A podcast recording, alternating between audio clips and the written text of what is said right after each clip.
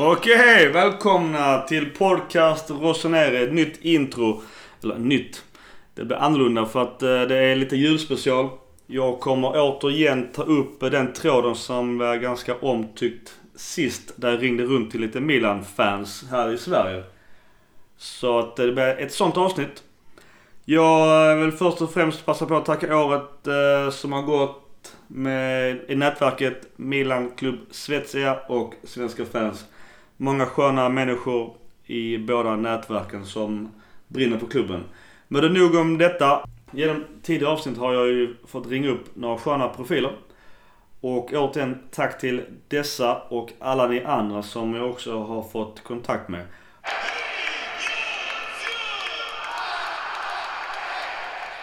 Du är milanista, om man nu får säga det. Eh, ja, det får man säga. Vem är det vi talar med? Eh, Marcus Nero heter jag. Vem är det vi har på linjen nu då? Daniel Andersson. Stort välkommen Daniel och stort grattis till era två stjärnor i MFF. Tack så mycket. Kristina Kapelin. Absolut.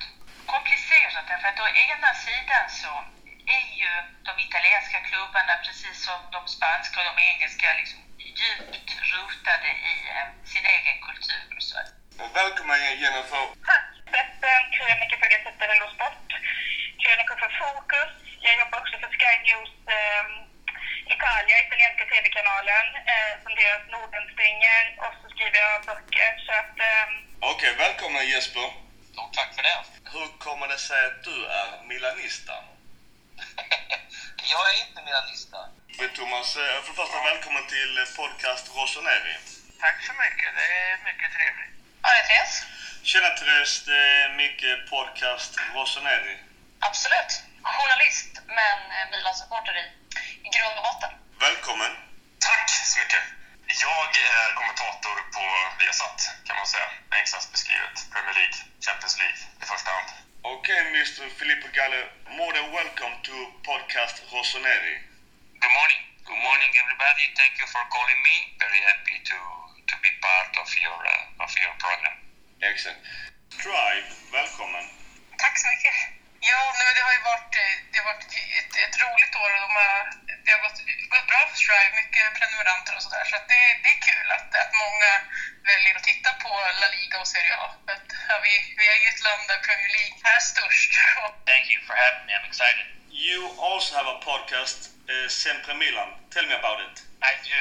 Yeah, so um, I'm one of the co-hosts on the Separate Milan podcast. Hur är läget med Jesper Blomqvist? Ja, men det, är- det är toppen. Det är bra. Det är eh,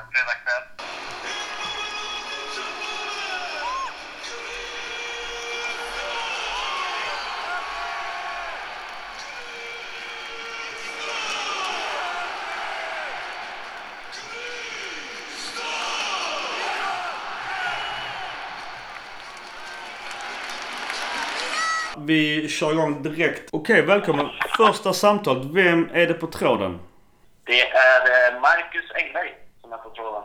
Och du är också med i eh, redaktionen. Ja, precis. Jag, jag är skribent här och har skrivit i ett och ett halvt år tror jag. Så det blir väl någon text i veckan där eh, som jag ska skriva. eh, På Milan Club Svezia. Ja, precis, precis. Men du, vi, vi, vi tutar, vi kör igång direkt. Eh, Mid-season här nu. Hur är dina tankar kring första delen av säsongen? Tränare, resultat etc. Alltså man kan ju omöjligt vara nöjd med resultatet givetvis. Alltså vad, vad är det man vill? Nio, åtta någonting. Och det är ju såklart för dåligt för att vara Milan. Men jag tycker ändå att resultaten den senaste tiden har ändå varit, eller kanske inte resultaten, men åtminstone spelet har ju sett bättre ut. Så jag är ändå försiktigt eh, hoppfull inför, inför framtiden. De har ju en, en ung trupp. Och Liksom det, det, det känns ändå som att det är någonting, man kan se någonting nu åtminstone i liksom spelet, även fast jag inte är helt säker på att Pioli är den som ska ta, ta liksom eh, Milan upp till toppen, så tror jag ändå att han kan vara rätt man att få, få Milan på rätt väg på ett betydligt bättre sätt än Gianpaolo i alla fall. Han kändes som en ruggig felrekrytering. Så att det, tycker ledningen gjorde rätt som, som vågade kicka Gianpaolo. Det, det kändes som ett modigt beslut att kicka honom så snabbt. det är ju lite att ge sig själv ett underbetyg egentligen att kicka, kicka sin egen tränare så snabbt. Men jag tror ändå att de gjorde rätt i, i liksom det beslutet. Så det är ändå, jag, är, jag är kanske inte hoppfull inför, inför resterande säsong, men åtminstone försiktigt, försiktigt positiv inför fortsättningen. Jag tror att med en, två, tre värvningar i januari så kan vi ändå, ändå vara på rätt väg. Om vi bara hoppar tillbaka till ja. januari. Vad vill du se Milan värva? Som svensk vill man ju såklart se, eh, se Zlatan komma upp där. I synnerhet nu när vi har haft sådana problem med anfallspositionen. Eller det känns i alla fall på förhand som en perfekt liksom, match, eller vad man ska säga.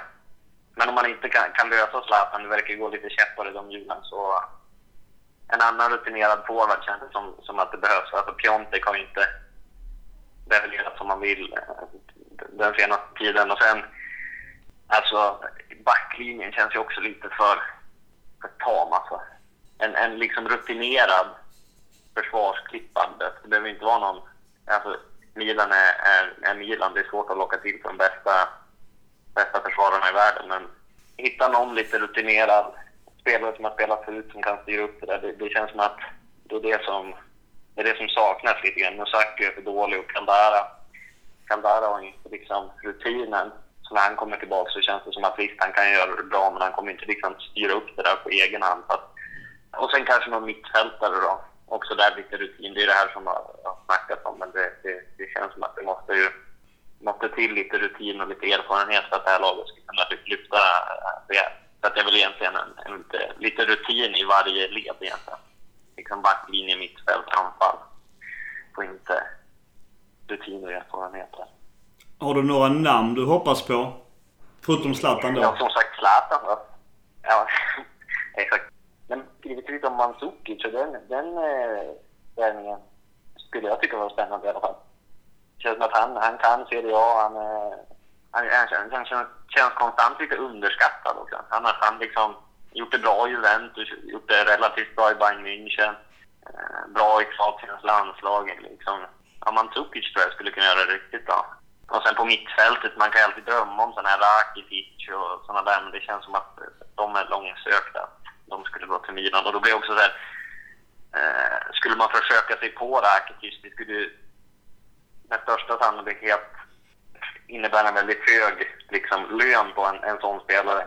Det känns inte som att Milan har det utrymmet i dagsläget med tanke på financial fair play och det där. Och den situationen som framförallt Fasson och Mirabelli har satt oss i. En Rakitic-värvning hade ju varit fin, men jag är svårt att tro på någon i backlinjen så, så har jag inte heller något namn. Jag skulle egentligen ha fått tänka på de här frågorna lite innan. Vad, vad har du för förhoppningar på dagens trupp och eh, resterande säsong? Och vad, vad kan Milan göra för att förbättra läget? Alltså, det är svårt, och, svårt att säga för det känns som att de ändå... Som sagt så spelar vi lite bättre nu i alla fall. Eh, och det är liksom någonstans där man får börja och så ska, får ju resultaten komma sen den nuvarande truppen vet jag inte liksom vad det skulle vara.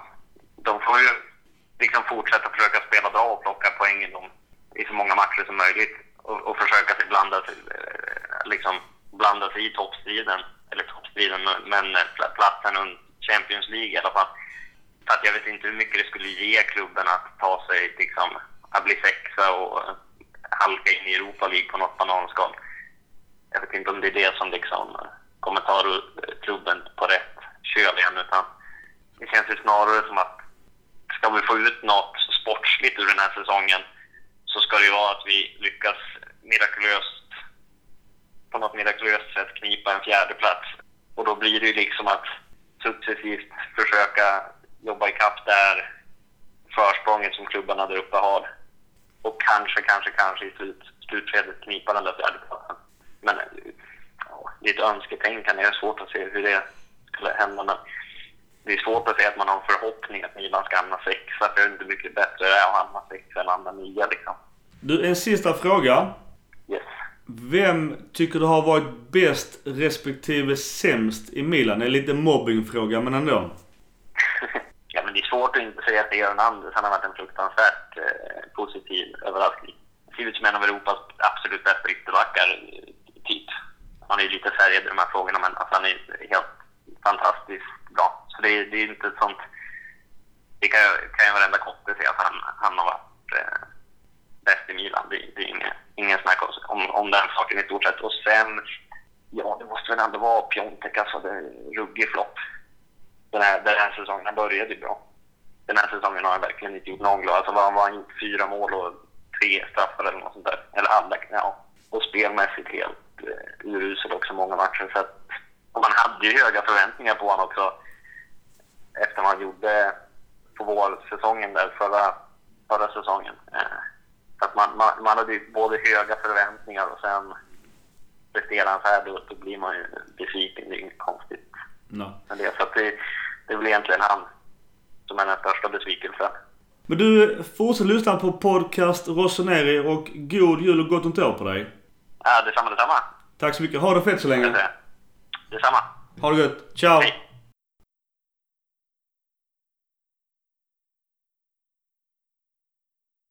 Okej, välkommen Max. Tack så mycket. Du har faktiskt varit med tidigare. Du har ju en Torino-familj så du pratade Torino i somras. Ja, just det, det, gjorde jag. Det är mycket, mycket Torino här hemma. Eh, vilket för min del har väl varit lite av en nackdel nu eftersom att det inte gått lika bra nu som förra året. Nej, såklart. Men du är milanista också och vad säger du om det här mid-season eller första halvan av detta elände? Ja, och för mig är det bara Milan. Eh, jag måste nog säga att det är väl en besvikelse eh, på så sätt att man hade så höga förhoppningar inför säsongen. Men jag tycker ändå att det var bra att ledningen tog sig samman och lät Gianpaolo gå när man gjorde det. För att hade man bara dragit ut på det så tror jag att det hade kunnat vara ännu värre nu än vad det är. Efter Pioli har tagit över tycker jag faktiskt att, eh, att det har sett bra ut. Jag tycker eh, vi har sett starkare ut för varje match som har gått. Eh, med undantaget på Roma. Där tyckte jag att det såg lite sådär ut. Eh, men överlag så gillar jag verkligen eh, fotbollen vi spelar under eh, Pioli och jag hoppas att eh, det går, blir ännu bättre med, med tiden. Vill du se honom i Milan även efter sommaren? Alltså så här, jag, jag tror att det är dags att vi, att vi håller på en tränare nu och inte kör på ännu en ny. När, om Pioli nu får det att funka, det beror ju helt på också hur, hur det går resten av säsongen nu. Men om säg att Pioli fixar en Europaplats, då, då tycker jag att man, ska, att man ska hålla på honom för att om man lyckas bygga upp det här då, sen så ska man börja om på nytt efter sommaren med en ny tränare. Jag tror, jag tror inte att det är ett hållbart koncept. Så att, beroende på hur, hur det går för Pioli nu resten av säsongen så tycker jag definitivt att man ska hålla på honom. Eh, jag vet ju också, jag har pratat med rätt mycket Fiorentina-supportrar som jag känner och de säger ju också att Pioli är ju lite som Gattuso, att han är ju fantastisk på att, att få laget bakom sig. Eh, det är en av hans starka kvaliteter. Jag tror att om, om han kan lyckas få resultat med sig samtidigt som han verkligen stärker den här lagkänslan som har... Ja, men det känns som att den var lite där under Gianpaolo. Så jag tror att han kan eh, göra ett bra resultat med Milan. Eh, sen är väl han kanske inte tränaren som eh, kommer få oss tillbaka dit där vi en gång var. Men jag tror definitivt att han kan vara en viktig del på vägen dit. Men hur vill du att han och Milan ska alltså, göra för att nå de här Europaplatserna nästa halva då? Dels så tror jag att det är viktigt att förstärka nu i januari. Även fast det känns som att eh, Piontek har kommit igång nu de sista två matcherna. Det känns ändå som att man måste få in någon, alltså, vad ska man säga, Zlatan hade varit en dröm för mig. Inte, inte för att han är svensk eller för hans status i Milan-led, utan han kommer in med den här mentaliteten där han verkligen kräver allt av sina lagkamrater. Det är liksom det som har varit hittills anfallsmässigt, det är inte nog för honom. Och jag tror att det där kommer smitta av sig. Eh, så jag tror att få in Zlatan eller någon spelare likt honom hade varit otroligt nyttigt för Milans anfallsspel framför allt.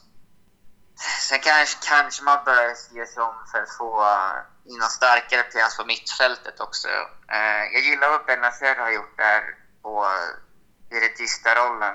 Eh, men det känns som att jag, jag personligen tror inte på Kessie. Jag, det känns som att han är otrolig när det kommer till eh, att vara stark och, och vara en dynamisk spelare upp och ner på planen. Men jag tycker att han är alldeles för dålig i sitt beslutsfattande eh, för att det ska hålla. Eh, så jag ser nog att man får en starkare pjäs än Kessie.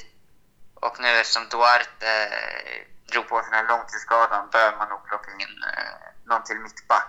I mitt tycke någon som kan ersätta Musakio. Jag tycker inte att han är bra nog.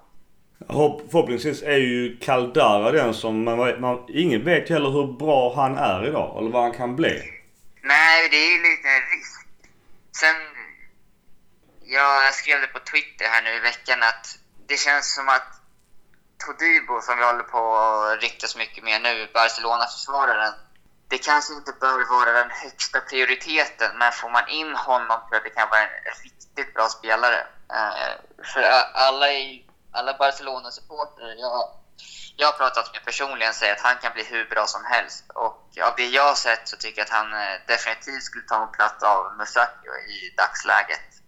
Ja, utan uh, blinka skulle jag säga. Jag såg ju bland annat matchen mot Inter. Där var han jättebra tyckte jag. Ja, ja, han var helt otrolig där. och det är väl lite här också. Man, tyvärr så vet man inte hur bra Caldara kommer vara nu. Det är tre långtidsskador nu under sin eh, Milan-sejour tror jag. Eh, så man vet inte vilken kvalitet han håller längre. Nej. Eh, och då kanske det är bättre att ta det säkra före det osäkra. Och det känns väl lite som att det Maldini håller på att göra just nu. Vad tror du eh, Barca-snubben eller Demiral från Juventus, vad har du valt där?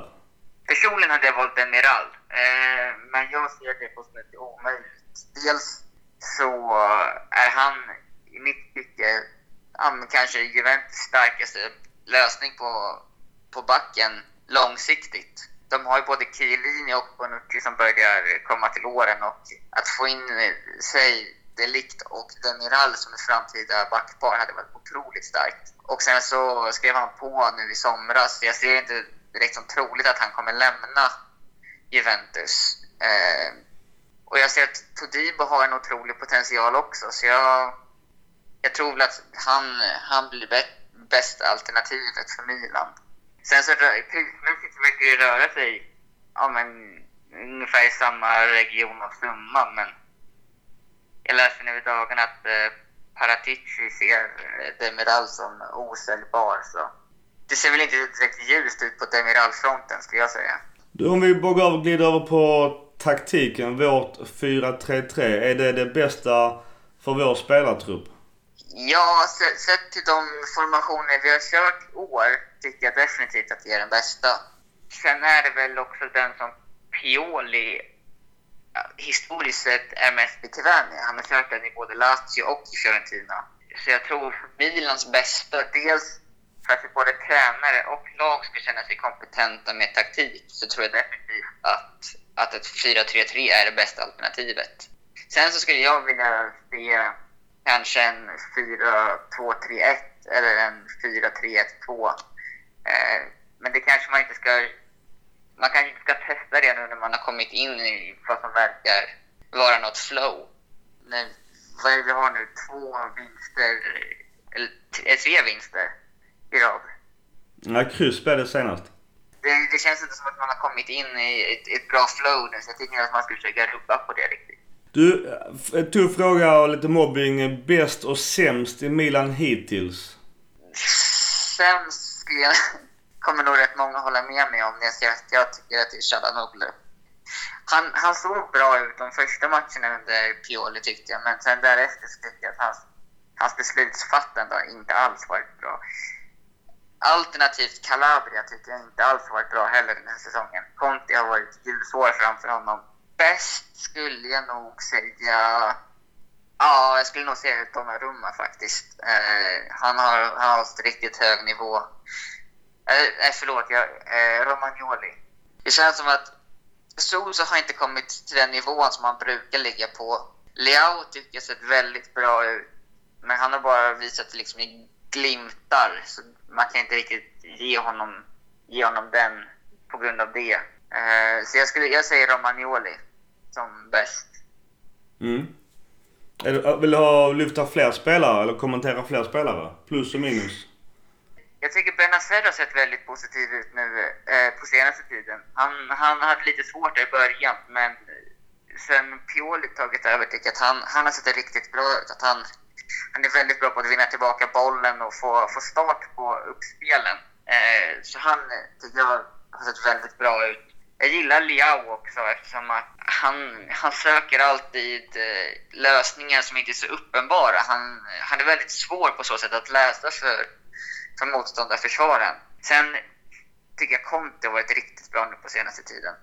Eh, svag är väl lite som jag sa innan också, Kessie tycker jag. Han gör ett väldigt, han gör ett väldigt eh, omfattande jobb och är stark i närkampsspelet och så, men jag tycker när det kommer till hans beslutsfattande så har han varit riktigt svag där i år faktiskt. Eh, ofta han lägger fel passningar eller skjuter när han egentligen kan passa någon. Så jag, jag vet inte. Kessie känns... Hade man sålt honom i januari så hade jag inte gråtit över det. Du, sista frågan. Vad tror du det finns för chans att kunna värva någon av kroaterna från El Clasico? Modric tror jag blir svår. Rakitic är nog också svår egentligen eftersom att både Inter och Juve vill ha honom och de kan erbjuda honom mer än vad Milan kan i nuläget tror jag. Milan är det nog så att han kommer få mest speltid i. Det kanske man kan vinna på. Men säg inte så har han ju... Han har Champions League, eh, de har de är titelkandidater, han har eh, Brozovic, eh, Rakitic har lämnat nu men det är ju ett, det är ett spännande projekt och Juventus är, ja, i, i Italien är Juventus Juventus. De är också titelkandidater, där har Mandzukic eh, kanske i, att han skulle kunna få rätt mycket speltid där, för deras mittfält har inte imponerat hittills i år. Um, men samtidigt så är väl Pjanic har ju hans roll där, så ja, det är svårt. Eh, Modric tror jag nästan man kan utesluta. Rakitic kan nog vara en möjlighet på grund av speltiden jag skulle kunna erbjuda. Och som sagt, Boban är ju... Jag tror inte det finns någon kroatisk spelare just nu som inte har Boban som idol när de har växt upp liksom. Du Max, stort tack för kloka svar och eh, fortsätt lyssna på podcast Rossoneri. Ja, tack för att jag fick vara med och eh, yes, fortsätt lyssna på podcast Rossoneri. God jul Max och gott nytt år på dig. God jul och gott nytt år! Ha det fett! Detsamma! Ciao!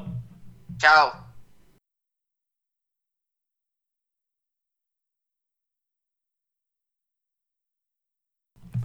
Glömde fråga men gör som jag och gå in och följ Max på hans Twitter. Och det är då Maxi med två A och sen Angelo i ett ord. Så Maxi Angelo, ett ord, två A.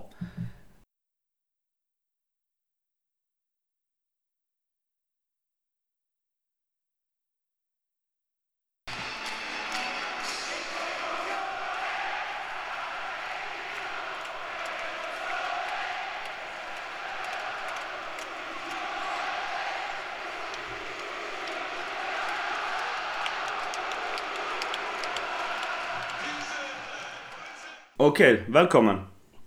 Tack så mycket. Och vem är på luren? Ja, hejsan, mitt namn är eh, Linus Shamoun. Och eh, du, är, är du med också i redaktionen på Milan Club Svezia? Precis, jag skriver krönikor där och sen har jag varit eh, lite aktiv på svenska fans eh, på Milan-sidan. Sweet, det är ju vårt nätverk. Du, vi köper igång direkt. Eh, vi är ju jävligt kassa. Varför är vi dåliga? Varför Milan är helt dåliga? Ja. Det känns som en förbannelse som vilar över den här klubben. Och eh, för varje säsong så tror man... De brukar ju säga att hoppet är det sista som eh, lämnar den. Och, eh, det är ju sådär, man har hopp inför varje säsong men ändå så sitter vi på samma trasiga båt och liksom, vi kommer aldrig iväg på något sätt. Och varför det blir så, det, det är ju många anledningar och man måste, man måste vara ganska... Försöka vara neutral när man analyserar Milans problem. Titta på dem lite objektivt och eh, jag skulle väl säga att problemen började för ganska så länge sedan. det började redan efter eh, Champions League-finalen 2007 då man hade höga löner på spelare som var över 30 år och sen så följdes det av ganska många dåliga Mercaton som Galliani gjorde och eh, klubben bara gick neråt. Det vände där 2011 då när Zlatan kom och så hade vi Thiago Silva. Men det kändes som en, eh, egentligen som eh, ett plåster där. Så Milan hade ju problem redan tidigare. Det, det var ju Zlatan som gjorde så att vi vann titeln det året. Och sen när Berlusconi fick sina problem tvingades vi sälja Zlatan och Thiago Silva. Och då var vi tillbaka där eh, med alla problem. Och det slutade som alla vet att Berlusconi säljer till eh, eh Jong Hong Lee som eh, ingen vet vem det är ännu. Jag bara väntar på att det ska komma någon Netflix-dokumentär eller någon film om den här personen för att eh, ingen visste vem han sålde till. Silvio Berlusconi, kom ihåg alltså en av eh, kanske världens mäktigaste män kontakter med George Bush och Vladimir Putin och så säljer han till en okänd anonym kines. Det är, det är inte logiskt. För mig i alla fall. Ja, det luktade pengatvätt där, gjorde det inte det? Alltså det finns två anledningar. Eh, antingen är det pengatvätt, som många har snackat om, eh, eller så är det Berlusconis ego. Och eh, vi alla som känner Berlusconi väl vet ju att han har ett stort ego, så att säga. Och eh, jag tror inte att han ville att Milan skulle fortsätta gå bra. För att det gick väldigt, väldigt dåligt på slutet för Milan. Och eh, om han sålde till riktiga, seriösa ägare så skulle man inte minnas kanske Berlusconi på samma sätt som man minns honom nu. För att nu tänker man att det är gamla Milan och det var så bra med Berlusconi. Men om vi hade fått bra ägare, då kanske man hade mer kommit ihåg de dåliga åren på slutet där med, med Berlusconi, med allt det här med game over, insert coins och så vidare. och så vidare. Så att, eh, jag vet inte, men mycket av mig säger att Berlusconis eh, stora ego är inblandat i hela det här faktiskt. Var det rätt eller fel att byta tränare så kort in på säsongsinledningen? Alltså generellt tycker jag att man borde fortsätta med samma tränare och, hålla i det. Eh, det går för snabbt i dagens fotboll. Man, man sparkar tränare hej och vilt. Så eh, kontinuitet och långsiktighet är någonting som är, finns inte eh, i världsfotbollen just nu. Men just i Milans fall med Marco Giampaolo, problemet med honom var att man inte såg någon ljus i tunnorna. och hela hans anställning kändes lite fel på det sättet att eh, Gianpaolo är lite mer filosofisk. Eh, han är väldigt duktig fotbollstränare, men han är inte det som Milan behöver. Och ett annat problem det var att Boban var inte så förtjust i att anställa Gianpaolo. Och vid den tidpunkten var det Maldini som nästan satt ensam på sportsavdelningen för klubben. Och eh, han lyssnade ganska mycket på sin mentor som var Arrigo Sacchi. Och alla som känner till Arrigo Sacchi vet själv att han är en, eh, en galen filosof av fotbollen som revolutionerade den i början av 90-talet. Så att eh, de gick på linjen Marco Gianpaolo och eh, det visade sig vara ett helt felaktigt beslut. Och sedan så finns alltid risken, men när man anställer en så kallad provinstränare som alltså kommer från de mindre lagen till det större laget, att man inte pallar trycket helt enkelt. Och eh, Gianpaolo gjorde inte det. Han, som ni har varit inne på tidigare på podcasten och alla andra, att han släppte sin idé med 4-3-2 och eh, han var mest förvirrad och han hade inte heller den här rollen där han måste vara nära med spelarna. Milan besitter alltså den yngsta truppen i Serie A och eh, de behöver ha en typ av fadersfigur som coachar dem och jobbar väldigt mycket mentalt med spelarna. Och det var därför som jag tror det gick eh, ganska så bra med Gattuso, för att han var den pappan som laget behöver. Och vad tror du om eh, Pioli? Alltså från början så var det... Ja, ni kommer ihåg hashtaggen då med Pioli out. Eh, jag tycker det var fel för att... Eh, dels så var det så att det hade ingenting med honom att göra, men man förstår fansen också för att missnöjet är mot ledningen.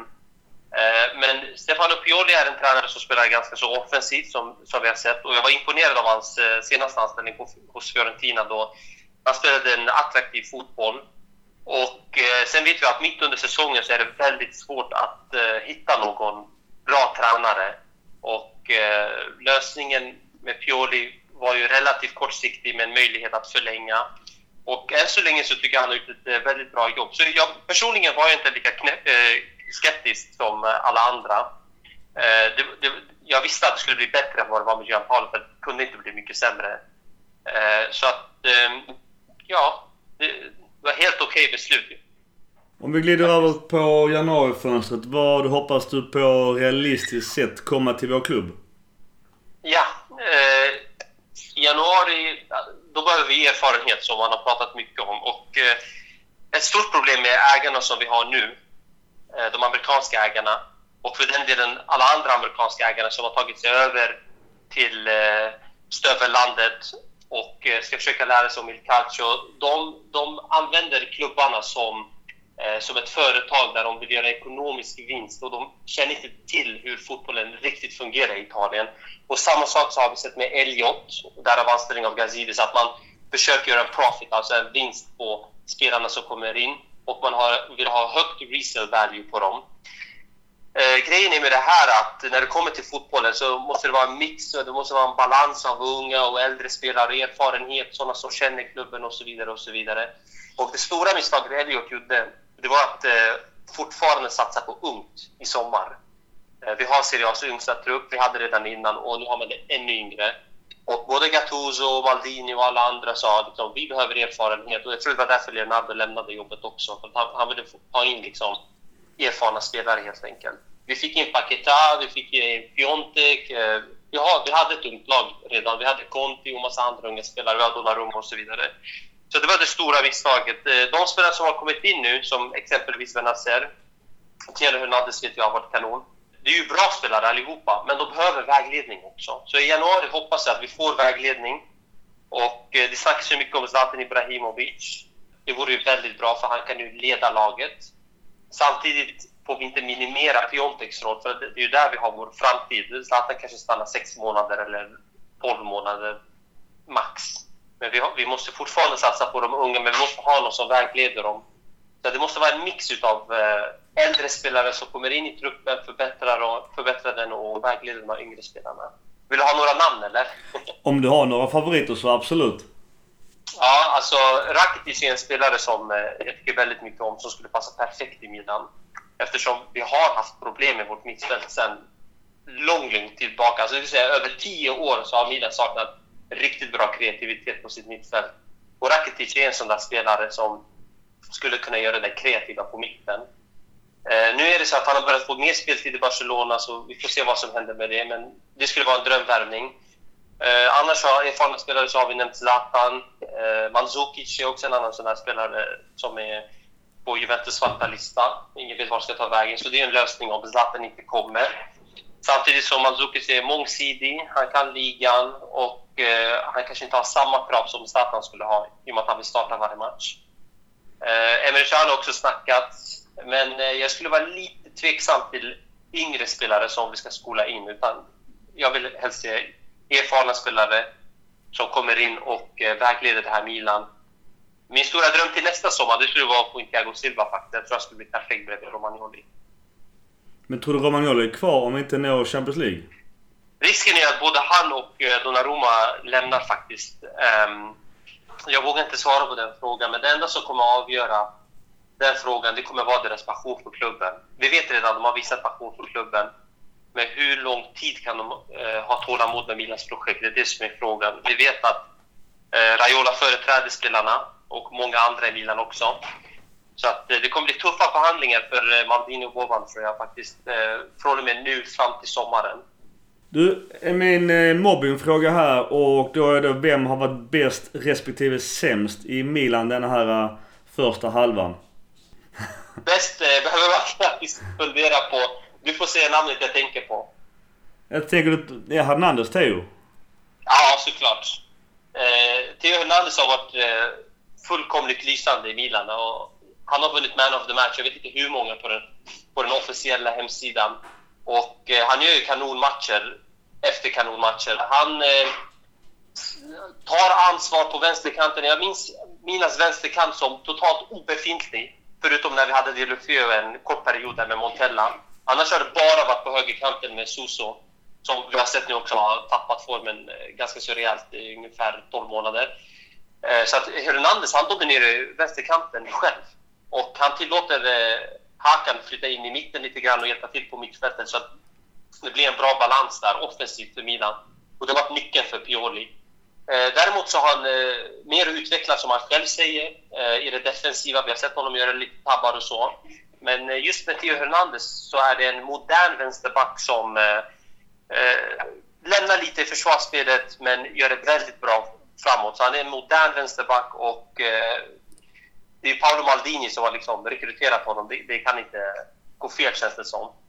Eh, så det har varit en kanonvärvning av Milan verkligen. Alltså riktigt, riktigt bra. Kanske eh, en av dem, jag funderar på det, men möjligtvis den bästa sen eh, kanske Romagnoli och Bonaventura som fått in. Jag tycker faktiskt det. Ja. Nu, nu är det hans säsong kvar, så vi får se. Men hittills jättebra. Han har framtiden för sig, ödmjuk, en verkar vara bra kille med passion för Milan också. Och andra hållet? Vad sa du? Ja, sämst där. ja. Det är svårt att säga vem som har varit sämst. Ja, du, kan, du Eh, kan ta ett gäng om du vill det. Det, det finns ju många att välja på. jag vet, det finns många att välja på, men eh, jag måste nog säga Hakan Çalhanoğlu. Jag tycker han har varit eh, sämst faktiskt. Med tanke på att han har fått många chanser och eh, startar varje match så tycker jag han presterar mest, eh, sämst, mest dåligt i alla fall. För att eh, det finns ju andra spelare som är på den där listan. Vi har kanske Mosaki som har varit en besvikelse lite grann. Inte så jättemycket, men vi har eh, Frank Kessie som har varit jättedålig. Soso har inte heller varit bra. Lucas Villa, där visste man lite grann att han, hans tid är förbi i Milan. Så att det var bara märkligt att Gianpaolo fortsatte spela med honom. Men jag skulle säga Akan Çalhanoğlu för att eh, jag tycker inte han håller Milan kvalitet helt enkelt. Jag skulle kunna se honom som en bänkspelare. Eller som en startman kanske i Sampdoria eller något sånt lag. Men som en eh, nummer 10 i Milan, han håller tyvärr inte. Han kanske har en bra match på 10, en riktigt bra match på 10. Men han är för långsam i sitt beslutsfattande och eh, i många konfliktslägen så ser vi honom fatta fel beslut. Och jag tycker inte han eh, bidrar så som en eh, 10 ska bidra i Milan. Jag håller helt med dig. Du har eh, även Twitter. Om någon vill följa dig, vad trycker man in då? Ja, mitt namn är eh, Ninjas Gabriel på Twitter. Och eh, det blir helt, helt enkelt mycket twittrande om italiensk fotboll och mest Milan såklart. Du, stort tack för kloka ord och fortsätt lyssna på podcast Rossoneri. Det ska vi göra. Tack så mycket Mikael. God jul och hälsa familjen. God jul du med. Hälsa familjen. Absolut. God fortsättning. Tack så mycket. Ciao. Ciao. Forza Milan. Forza Milan.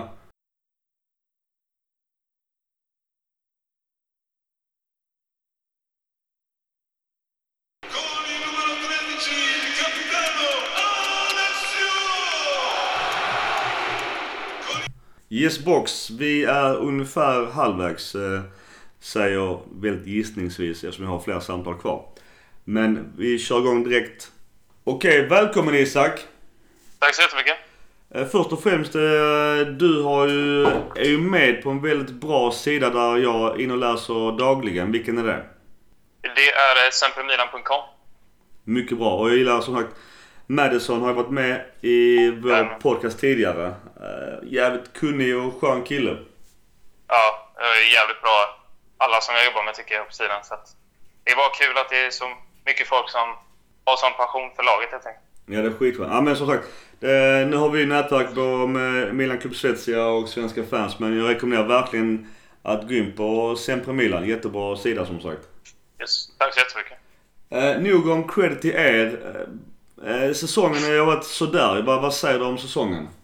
Ja, det är precis som du säger. Det har varit väldigt mycket upp och ner. Framförallt i början så var det ju rent katastrofalt under Jan Paolo skulle jag vilja påstå. Sen har väl nu på senare tid Pioli har väl liksom fått ordning på det till viss del får man säga. Han har ju fått laget tillsammans i alla fall. Det känns som det är bättre stämning på träningar och överlag helt enkelt. Men eh, det har väl inte resulterat i jättemycket på planen. Får man ändå ge en cred för. Han har ändå fått en, en stabilitet som Jan Paolo inte hade riktigt. Så att, ja, det har varit upp och ner. Men eh, förhoppningsvis så är vi på rätt väg nu i alla fall. Men det är ju svårt att säga. Man vet inte riktigt om det beror på att Pioli faktiskt gör någonting bra eller att det var Jan som var så pass usel eller att det helt enkelt är den effekten som man oftast får när man tar in en ny tränare. Så att det, återstår att se. Nu har det ändå hållit i sig ganska länge men eh, ja, vi får hoppas att eh, det vänder även resultatmässigt. Gianpaolo på förhand var ju nog ganska bra alternativ tyckte nog de flesta. Men sen har han ledarstil. Men, men vad tror du det var grunden till att det gick så jävla dåligt med honom? Jag vet inte riktigt. Det är, ju- ibland är det ju så helt enkelt att vissa tränare de gör det väldigt bra med lag som brukar ligga i mitten av tabellen ungefär. Och det känns lite som att Gianpaolo är en sådan tränare att hans idéer och så behöver väldigt mycket tid framför allt och det behöver en spe, speciella spelare helt enkelt. Och eh, det känns inte riktigt som att han fick det som han behövde i somras. Och sen vet man inte hur mycket det beror på att Nina såklart det är under mycket press med financial fair play och allt vad det nu är. Så att, eh, det är lite svåranalyserat men eh, ett exempel är ju såklart att redan efter första matchen så bytte han formation liksom. Och bara en sån sak är helt löjligt nästan. Att, eh, ja, men eh, Maldini och Boban kändes det ändå som jobbade lite efter att man skulle spela med två strikers på topp. Och, ja, redan efter första matchen så gick han tillbaka till 4-3-3. Så att, ja, det är lite svårt att säga, men eh, i grund och botten tror jag inte att han hade några id- idéer. Och, och om han hade några idéer så känns det inte som att han fick fram det till spelarna riktigt. Vi var ju väldigt kritiska, exakt som du säger, att man ändrar taktik efter en omgång. Så nästa blir ju hur länge ska man ha kvar honom som tränare? Nu blir det ju väl sju, åtta omgångar tror jag. Eh, och Ja. frågan var egentligen bara så, när ska vi sparka honom? För att, hur tidigt kan man sparka en tränare? Men rätt eller fel, vad tycker du? Att vänta längre eller sparka honom där och då eller till och med något tidigare? Alltså jag tycker ändå man ska ge, att han skulle få lite tid som han nu fick. Sen eh, gick det ju... Alltså, det måste, I grund och botten så måste det ju, man måste ju se några förbättringar efter åtminstone tre, fyra matcher. Men det kändes inte riktigt som det kom. Och då tycker jag ändå man som klubben gör rätt beslut att eh, ja, men sparka honom helt enkelt efter sju omgångar tror jag det var. Så att, I min mening så var det rätt beslut eftersom det, det hände inte så mycket på den fronten. Att eh, det blev inga förbättringar helt enkelt och resultaten kom inte. Så att, eh, I slutändan så är det ju, måste man ju ta hem tre poäng och då går det ju som det går för tränare. Tyvärr. Men så är det ju då. Det är mycket press på dem. Eh, om man går över till eh, nu transferfönstret. Vad tror du, hoppas du på Milan ska kunna ta in och kanske ta ut? Men som det ser ut så lär det väl bli eh, en, en transfer per, per lagdel om man säger så. Försvaret, mittfältet och anfallet. Och det är väl lite det som man behöver. Det känns som man har ett lite för ungt lag, lite för... Ja, lite erfarenhet helt enkelt. Så att det behöver stärkas med lite spelare som vet vad de gör och som kan förmedla tränarens budskap på ett, på ett bra sätt helt enkelt. Så att jag hoppas att det kommer in åtminstone en striker och en försvarare. Men sen är det väl klart alltid ett, eh, en, bonus om man får in eh, en mittfältare också. Men det är svårt att säga. Det beror ju på så många olika grejer. Men i alla fall en anfallare måste vi ju ha. För det har ju varit alldeles för dåligt där uppe. Sen på Milan har ju också namn som eh, nämns i alla ryktena. Vad, vad tror du om namnen som nämns eller... Ja, vad kan vi förvänta oss eller vad kan vi hoppas på rättare sagt? Alltså det är ju väldigt svårt att säga, men jag tror ändå att Ibrahimovic, han är ju fortfarande första val helt enkelt för, för Boban och Maldini. Sen om han kommer, det är en annan fråga, men eh, det känns ändå som att de har ganska bra spelare på, eh, på sin önskelista. Om inte Ibrahimovic kommer så snackas det om Jovic från Real Madrid. Det är inte jättedåligt heller, men eh, vi får se helt enkelt. Sen eh, i mittfältet så är det ju nu snack om man ska ta in en regista istället för att flytta eh, Benazer så att han kan spela till vänster. Och det, det är eh, en sån grej som jag tycker är väldigt bra för att Afrikanska mästerskapet så spelade han just i den positionen, Benazer alltså.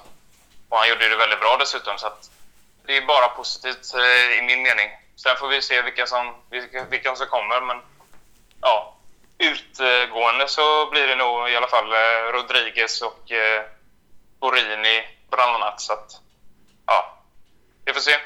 Går de till eh, Napoli? Mycket tveksamt om Rodriguez går dit, men det känns som att Tyskland ändå är mest troligast för honom. Sen får vi se om Rebic också går tillbaka till Tyskland. Det har inte gått så bra för honom hos Milan. Så att, ja, det är mycket som kommer hända i januari i alla fall, det kan man säga. Vad är förhoppningen på eh, eventuellt i slutskedet här tabellen? Når vi topp 6? Som det ser ut nu så tror jag inte vi når topp 4 i alla fall. kanske inte ens topp 6 som du säger, men eh, vi får hoppas att det vänder eh, resultatmässigt. Nu har det ändå sett hyfsat de senaste tre matcherna. Sen var det ju synd att man inte kunde få med sig tre poäng nu senast mot Sassuolo, men eh, ja, det beror, jag tror det beror mycket på eh, matchen imorgon mot Atalanta. Eh, för vinner man den eller får med sig ett bra resultat så kan man ändå gå in eh, i andra halvan med lite positiva känslor. Lagen som ligger över oss har ju öppnat väldigt starkt så att eh, oavsett om eh, Milan vänder och tar hem massa poäng här nu så blir det ändå svårt att ja, passera de andra i tabellen. Vi pratade lite om taktik med Gianpaolo. Hur tycker du Milan ska spela? Sitt 4-3-3 eller vill du se någon annan eh, tankegång? Jag tycker de ska spela 4-3-3. Eh, jag tycker ändå det har sett, eh, framförallt under Gattuso då, så jag tycker ändå det såg väldigt bra ut i stora delar. Sen är det ju att man, som har varit genomgående egentligen de senaste tre åren, att man är inte riktigt vassa i anfallet. Och såklart, för matcher så måste man göra mål och det räcker inte bara att ha en stark defensiv. Så att, äh, jag, jag tycker ändå de ska spela 4-3-3 och för vi, som, som det ser ut nu så är det ju, har vi spelarmaterialet för just den formationen. Sen att det inte har funkat eh, helt ut, det beror ju på olika grejer. Men eh, vi får hoppas att eh, ja, spelare som Soso till exempel lyfter sig ett steg, Chalanoglu också, och börjar hitta anfallaren eh, inne i boxen oavsett om det är Ibrahimovic eller Piontek. Eh, så måste det ju bli en förbättring helt enkelt. Du, min sista fråga, det är en liten mobbingfråga. Vem tycker du har varit, eh, eller vilka eller vem har varit bäst respektive sämst i Milan hittills? Det är väldigt svårt. Bäst skulle jag ändå säga att det är, det är flera stycken ändå. Jag tycker ändå Romagnoli har varit eh, stark där bak. Eh, Benazer har ändå lyft sig nu. Han var inte så bra i början i och för sig, men han har ändå lyft sig nu i slutet. Och alltså, att har kommer tillbaka från en långtidsskada och gör det så pass bra är ändå väldigt kul att se. Men ja, jag skulle nog ändå säga att bäst är väl eh, Romagnoli eller Donnarumma, för han har ju också varit helt otrolig i mål i, emellanåt. Så att, Ja, de eh, fyra har gjort det väldigt bra. Sen eh, dåligt, eller sämst skulle jag säga, Musakio faktiskt. Jag förstår inte, det det är ju synd nu att Duarte blev skadad för han är ju, Musakio är riktigt dålig emellanåt. Ja, tack ja, Isak. Framförallt För, de senaste tre matcherna alltså. ja. Då har han varit helt katastrof. Känns inte som han vet riktigt vad han har kroppen själv så att det, nej, det är bara dåligt. Jag är faktiskt förvånad om du just nämner Musacchio, eller Musacchio, som vi ofta poängterar här i vår snack. Jag är förvånad över att inte alla tycker att han är dålig. För att han, som du säger, han är ofta helt fel på det. Ja. Den här positioneringen är katastrofal. Det är, han är väldigt överaggressiv skulle jag säga. För att, eh, han lyfter väldigt högt och sen vet han inte riktigt vad han har bakom sig och då blir det lite lattjo lajban. Så att, eh, han har inte riktigt koll på vad han gör känns det som. Och sen har han inte världens bästa touch heller på foten så att eh, nej, det finns mycket som han kan förbättra. Sen var han ju helt okej under Gattuso, men eh, så det är såklart när det går sämre för laget och alla får kämpa lite, då, då lyser det igenom alla svårigheter. Liksom. Någon annan spelare du vill lyfta? Som var dålig eller bra? Både och? Alltså, du, det, man får väl ändå säga Piontek i slutändan, eh, att han har, varit, han har inte varit bra nog. Sen har, tycker jag ändå att han har lyft sig nu de senaste matcherna, eh, sett till att han är mer delaktig i spelet utanför box. Och han är smartare helt enkelt i hur han rör sig, men i början så var det ju för dåligt. Jag kommer ihåg eh, försäsongsmatch med Manchester United så fick han ju en jättebra boll av Soso istället för att, som han hade gjort förra säsongen tror jag, bara avsluta läget så trodde han att han var offside och det kom inget avslut och ja, då blev det bara något halvdant av det. Så att, det känns som det varit så lite hela säsongen. Han har inte riktigt trott på sig själv och trott på chanserna. Så att, det är klart, kommer han in i det stimmet som han var förra säsongen så kan det ju bli hur bra som helst. Men eh, ja, vi får se om han kommer dit och framförallt om han får starta nu efter januari om det kommer en ny spelare. Du Isak, om någon vill följa dig på Twitter, vad har du för Twitternamn? Eh, Isak understreck Moller jag. Du Isak, stort tack för samtal och kloka ord. Tack så jättemycket för att jag fick vara med. Och god jul och gott nytt år. Ja, det är samma, det är samma. Ha det fett. Ha det gött. Tack så mycket. Ciao! Hej, hej.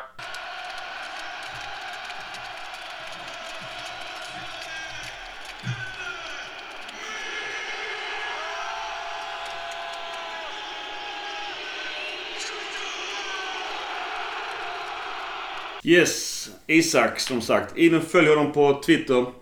Vi kör direkt vidare till nästa. Välkommen återigen. Tack! Du har din... eh, Du har, du har barn i famnen, hör jag. Ja, nästan i alla fall. eh, I vagnen. I vagnen. Eh, Ja. Vi får se om han håller sig. Eh, Svenska fansredaktionen, och vad heter du? Eh, Kave, Kave från Svenska fansredaktionen. Du, vi kör direkt. Eh, vi har haft en ganska knackig mid-season eh, här nu och säsongsledningen var jävligt kass. Vad är dina tankar och tycker kring att det har varit så dåligt? Det är väl som det brukar vara, men eh, man ökar väl förhoppningarna varje, inför varje säsong. Sen så har vi ju liksom blivit vana att bli besvikna nästan varje gång. Det är lite tradigt nu här med tränarbyten så tidigt inför, för det är ju det är ett ganska så rejält tecken på ett misslyckande, i alla fall från ledningens sida. Redan liksom så här tidigt inför. Men eh, det börjar ju se lite mer positivt ut, i alla fall lite spelmässigt tycker jag att Milan börjar fall hitta någon form av rytm. Eh, Så något, något hopp finns där ju kvar. Just det här med tränarbytet. Hur är din åsikt kring eh, den situationen? Var det för tidigt? Var det för sent? Var det rätt läge? Alltså jag, jag tillhör den eh, skaran som tycker att man inte ska byta tränare om man inte har ett bra alternativ. Där känner jag liksom att Milan hade inte sådär jättemånga bra alternativ. Samtidigt, det verkar ju liksom som att Gianpaolo bara hade liksom byggt upp i säsongsinledningen och bara formerat ett lag i omklädningsrummet på vägen in från plan. Liksom. Och så, för det, Milan såg otroligt oförberett ut. Och det, det är inte acceptabelt, inte för den klubben. Eh, så det, på sätt och vis så tycker jag liksom att han har ingenting där att göra. Inte med de resultaten han visar upp och heller inte med det spelet. Så tränarbyte, absolut. Eh, men samtidigt tycker jag liksom Pioli var... Man kan ju ha flyt, men eh, på pappret ser det inte ut som rätt man för rätt jobb. Men hur är din bedömning kring Pioli nu då, under hans matcher? Han slår mig om man nu bara kollar på hans tid som Milan-tränare så slår han ju mig lite grann som att han verkar inte sådär superaktiv i matcherna. Han verkar fortfarande inte vara en matchcoach och det känns som att det var jättelänge sedan vi hade en matchcoach.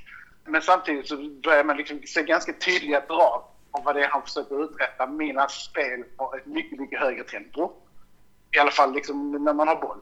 Det känns som att han har liksom i alla fall satt sin prägel på laget, något som i princip ingen annan har lyckats med de senaste tre fyra åren. Och det är liksom så Milans spelmaterial är inte så dåligt att man ska ligga på tionde plats. Eh, så att jag känner liksom att har man en tränare som kan få igång laget någorlunda så räcker det faktiskt ganska långt. Även om man inte har liksom en topp tre-trupp så kan det räcka ganska långt ändå. Om man ser just eh, Pioli och eh, taktik. Milan har ju börjat med Gianpaolo 4-3-1-2. Han backar till 4-3-3. Och Pioli spelar också 4-3-3. Är det det bästa taktiken för dagens Milan och truppen? Jag tror liksom först och främst Gianpaolo hade absolut inte rätt spelarmaterial för, eh, för eh, det systemet som han hade önskat spela. Det är inget snack om det. Det får ledningen helt enkelt ta på sig. Att han liksom, man slänger in en tränare som jättegärna vill spela med två anfallare och en eh, trekvartista och sen så har han inte alls materialet till det. 4-3-3 är väl egentligen den mest rimliga uppställningen kan jag tycka för Milan just nu. Eh, man har ändå några mittfältare som kan spela både liksom i den offensiva eh, perioden eller på mittfältet. Så där finns ju liksom ganska bra flexibilitet där man kan ändra om ganska bra och liksom bara genom att byta ut en spelare ha ett mycket mer offensivt lag utan att liksom ändra formation. Så jag känner att den, den uppställningen är väl ganska rimlig för dagens trupp. Samtidigt så behöver ju liksom truppen igen förädlas ganska rejält. Man får ju nästan liksom ha någon som är stabil nog, alltså på tränarbänken då, som, som kan göra att man vågar satsa på de superviktiga positionerna. Lite grann. Och liksom bara cementera ett par, alltså att centrallinjen i alla fall är liksom så ganska så klar. Vad har du för förhoppningar på dem då? Eller vilka spelare eller spelartyper? spelartyper. Donnarumma, om man kollar liksom bara på centrallinjen. Donnarumma, Romagnoli. Och sen så behöver vi liksom en jättebra eh, central mittfältare. Nästan en tvåvägsspelare. En Kessi i toppform kanske. Eller en Bakayoko.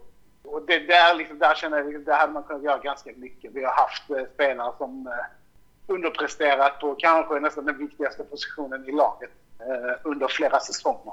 Det finns liksom ingen som, som kan gå in där varje match och vara bra. Hålla liksom en jämn nivå. Anfallet, det är folk som har underpresterat och sen så liksom, eh, har ju några ryckt upp sig. Men dessvärre är det ju så att Piontek nu liksom tappat formen fullständigt. Även om han börjar hitta tillbaka lite grann så är det absolut inte tillräckligt. Ett lag som Milan måste ha en central anfallare som producerar mål. Och även när han liksom har en dålig dag, även när laget inte liksom förser honom med de bollar han behöver, så måste det liksom hända grejer runt honom. De behöver en sån spelare. De behöver en sån spelare som kan skapa lite magi, lite dukt. Och de, de, de växer ju inte på träd och de är absolut inte inom, inom liksom Milans budget eh, just nu. På tal om spelare, vad tror du här nu om, om kommande fönster in och ut i Milans led? In ut. Som det slackas ju väldigt mycket om Zlatan. De källor jag vet så är det nog på riktigt att det mycket väl kan bli av. Och det gör ju... Hans, om han kommer så tror jag att det kommer, det kommer förbättra, förbättra laget på många sätt. Men det kommer också begränsa lite grann. Eh, han kommer äta upp en ganska stor del av lönebudgeten.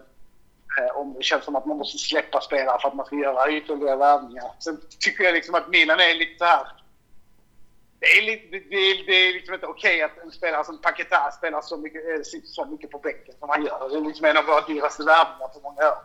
Det är inte okej att uh, Sosa har underpresterat så, även om vi liksom sålt honom så nästan första miljonen gjorde för inte alls så länge sedan. Så jag känner att Milan behöver liksom banta truppen lite grann på de här eh, ändå rimligt dyra spelarna som man nästan inte har råd att ha på bänken. För att skapa plats åt de här liksom, verkliga startspelarna som presterar eh, vecka in och vecka ut. Har du några önskemål på transfer in bortsett då från Zlatan? Alltså jag är typ så världens största Zlatan-fan. Vet inte riktigt om det är läge att ta in honom, men jag tror att hans vinnarmentalitet och hans attityd kan tillföra Milan lite grann. Eh, Vi behöver den arrogansen. Vi behöver någon som kan vara som Gattuso var när han var spelare och liksom skälla ut folk när det behövs. Eh, En riktig vinnarskalle helt enkelt. Kanske inte nödvändigtvis ledare, men en vinnarskalle i alla fall. Önskemål på transfer? Egentligen inte. Jag hade gärna, gärna sett att man eh, började se över sitt mittfält lite grann. Och en spelare som Kessie har ju otrolig potential, är otroligt ung. Och det kan hända väldigt mycket roligt runt honom. Samtidigt, om han, fortsätter visa upp den attityden jag har, tycker att han har visat upp, så tycker jag att man börjar se över liksom och, och ersätta honom på något sätt. Och därmed då också sälja honom. Det är ju egentligen där jag har inga större förhoppningar. Jag tror inte heller att det kommer hända så himla mycket nu i januari, om jag ska vara ärlig. Det här känns eh, än en gång som en mellansäsong efter liksom den där jättedåliga starten. Jag tror faktiskt inte på att det kommer hända sådär supermycket utan eh, det känns väldigt mycket som att en värvning av Zlatan skulle vara en typisk sån här Berlusconi-värvning bara för att göra fansen nöjda. Och köpa lite mer tid. Och det är inte så himla mycket mer än det. Och jag tror inte liksom, eh, budgeten kommer inte tillåta väldigt mycket mer än så. På tal om då Zlatan och du som då gillar Zlatan. Vad, vad säger du om allt det här med statyn? Statyn i Malmö. Ja. Eh, jag, jag, är ju också, jag är också från Malmö och jag är såklart också besviken över det. Men det är, jag tror också på någonstans så måste man liksom ta Zlatan för vad han är. Man måste någonstans ta honom för Zlatan. Han har under hela sin karriär aldrig visat upp någon form av lojalitet mot någon klubb någonsin. Så att, det är klart man är besviken. Men eh, jag tycker liksom det är absolut inte förvånande. Det är sån han är. Det, det kommer i Zlatan. Alla de här sakerna kommer. Det är, jag brukar säga till vänner, ja men det är som när, när folk värvar Zlatan och sen så blir de jättestora när han tar ett onödigt rött kort. Men det är så han är. Det händer. Det kommer i paketet. Samtidigt som man kan liksom cykel sparka in en boll från 35 meter. Såklart som Malmöit är det jättetråkigt. Eh, jättetråkigt att, man, eh, att han kanske väljer att slänga bort en stor del av sitt arv på det sättet. Du, sista frågan. Det är min eh, stående mobbingfråga. Vil, vem eller vilka har varit bra respektive dåliga här i Milan denna... Och gud, dåliga. Hur lång tid har du? Eh, Hela, hela truppen eller? Nej, men det, det är ju ändå ganska så många som eh, uh, underpresterat uh, från och till ganska rejält också. Bra. Romagnoli, fantastiskt. Roma tycker jag ändå varit ganska bra. Theo Hernandez, även om han är väldigt uh, ojämn. Han ger och tar. Men uh, på det stora hela ett stort, stort plus på en position som vi har haft problem med alltid nästan sen Maldini liksom. Piontek, otrolig besvikelse. Första, första halvan av säsongen i alla fall. Kanske inte helt hans fel. Tycker Suso har varit undermålig de flesta matcher. Dålig. Könoglu, något, något mer positivt. Tycker Han har ryckt upp sig lite grann. Eh, det verkar liksom som att han kommer ut i säsongen med bara en helt annan gnista. Så att, eh, Då har vi dem. Har jag missat någon? Kul att Bonaventura är tillbaka, såklart. Det är väl dem. Men stort tack för kloka ord. Men du har även Twitter. Vill du ge, uppge ditt Twitternamn? Det är Kave Golestani. Om någon kan stava till det. Men eh, K-A-V-E-H och sen Golestani G-O-L-E-S-T-A-N-I. Annars får de gå in på vår så får de se vilka vi följer. För vi, vi följer dig. Såklart. Men du, stort tack för kloka ord. God jul och gott att ta hälsa din familj. Det ska jag göra. Tack så jättemycket. Tack för att du fick vara med. Ha det fett. Ciao! Eh, nej.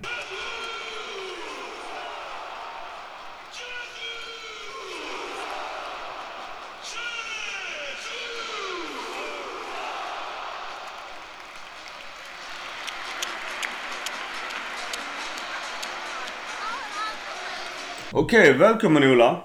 Tack så mycket. Läget? Det är fint, det är fint. Köp, köpt alla julklappar? Ja, det är den lilla biten kvar. Har någon liten bit kvar men det är mesta gjort här. Så det är klart. Du, vi hoppar rätt in i eh, Milan. Matteo, vad säger du om eh, första halvan här nu? Det börjar se lite mer stadigt ut nu med Pioli som tränare i alla fall. Så han börjar få ordning på det. Sen är det kanske inte han någon demontränare men det känns som att vi behöver en trygghet och det känns som han ger det till laget. Så att så sätt känns det väl framåt lite bättre än gjort innan. Sen är det mycket kvar att jobba på så att eh, det är en lång bit kvar innan man kan vara nöjd. Första delen hade vi ju Gianpaolo som tränare som man på förhand, inklusive jag själv, trodde var bra. Det gick åt helvete. Ja, det kändes- vad, vad säger det du? Kändes, kändes som att han hade en tydlig spelidé och man visste att man, vad man skulle få. Men eh, jag vet inte om det var att han inte hade spelmaterialet eller inte truppen trodde på hans idéer för att det blev inte alls som man hade förspått att det skulle bli. Jag vet inte om man förlitar sig för mycket på att Suso skulle bli trekvartisten och det vet vi att han kan ju bara spela på en kant. Och det var det som gjorde att fallerade. Så frågan är, var det rätt att sparka då? Eller tidigare? Eller gett han mera tid? Ja, eller gett han rätt material från början. Man kanske inte signat han överhuvudtaget om man inte hade lust att göra. Det, det är många frågor som vi inte kan få svar på tror jag. Ja, han fick ju ingen spelare han själv pekar på enligt ryktet. Uh, och det är rätt svårt om man har en tydlig spelidé när man vill spela och att försöka trolla med det spelmaterial man har. Visst, är man coach får man ju ta det man får, men Han gav ju upp sitt 4-3-1-2 redan efter en omgång borta mot Udinese. Vad är åsikt kring det? det gjorde att jag tappade lite förtroende för honom. För jag trodde, tror man inte mer på sin egen idé så då är han nog inte rätt tränare för mig. För så kände jag också, och det sa jag också. Och tänkte om vi känner så, hur, hur känner en spelartrupp inför en sån tränare? Precis. Sen så är det felet med Milan tycker jag mycket också att det är vissa spelare som är opetbara. Hur de än presterar så spelar de varje match.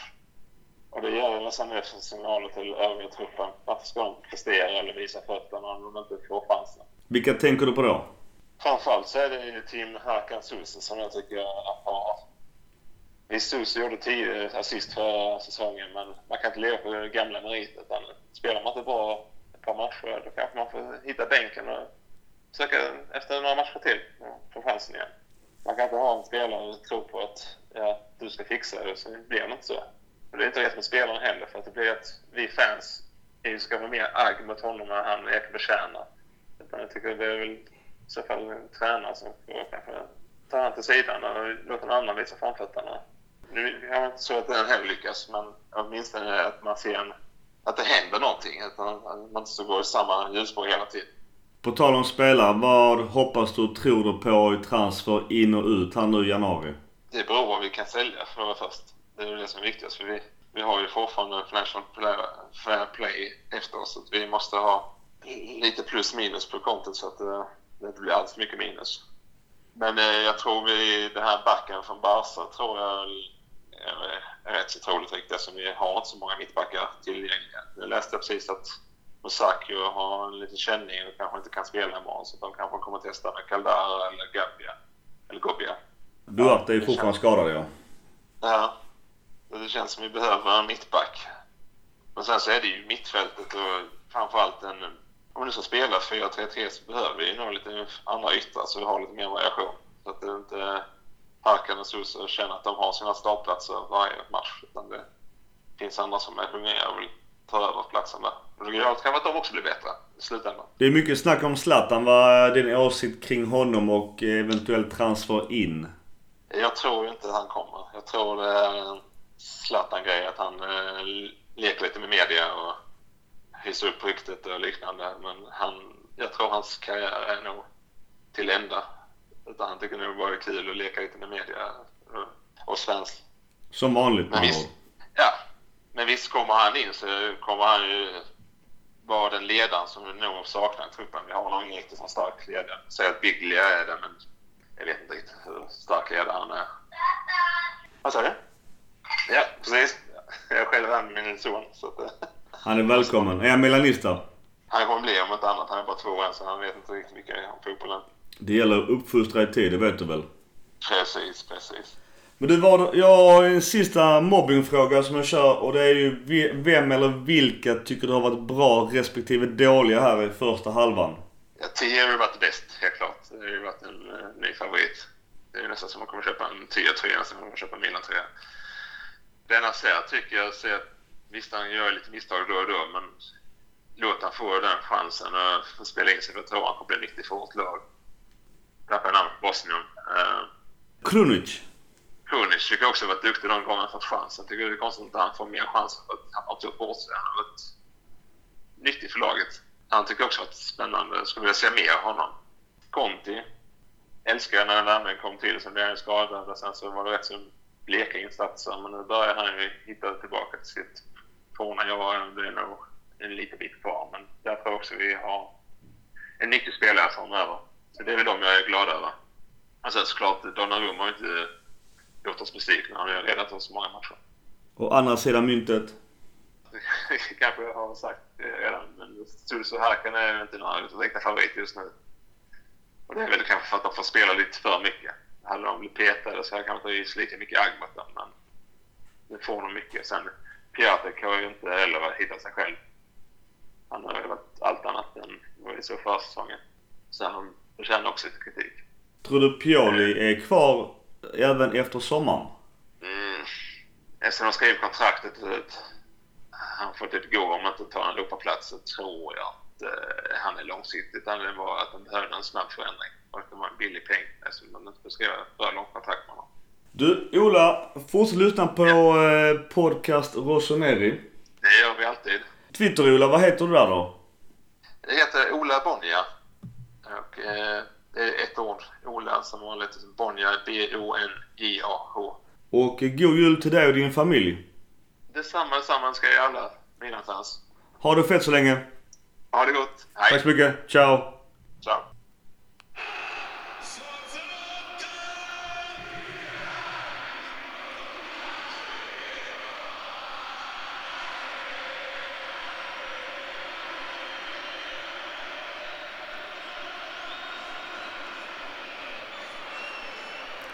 Okej, stort tack till eh, alla er som varit med. Fett jobbat. Några föll bort. Det är ju som en jul och familj. Man måste prioritera det givetvis. Det har jag all förståelse för. Jag, Mackan och Gurra vill också såklart passa på och önska alla er som lyssnar en god jul och ett gott nytt år. Vi kör det goda nya året eh, igen för att eh, jag vill ju såklart höra vad Mackan och Gurra säger ungefär om samma frågor. Så vi kommer försöka om det funkar med familj och julen och eh, traditionen att eh, spela in i eh, mellandagarna förhoppningsvis. Innan jag glömmer det så glöm inte kolla Milanresan som eh, kommer äga rum mot Calgary sista hemmamatchen i maj 2020. Jättebra pris. Allting finns på Milan Club Svezia. Jag eh, kan tyvärr inte själv komma upptagen med min dotter. Men jag tycker att ni som är intresserade ska kolla upp det. Där finns platser kvar. Stark rekommendation. Återigen tack till alla er som har lyssnat. Kör vi igen snart. God jul. Forza Milan.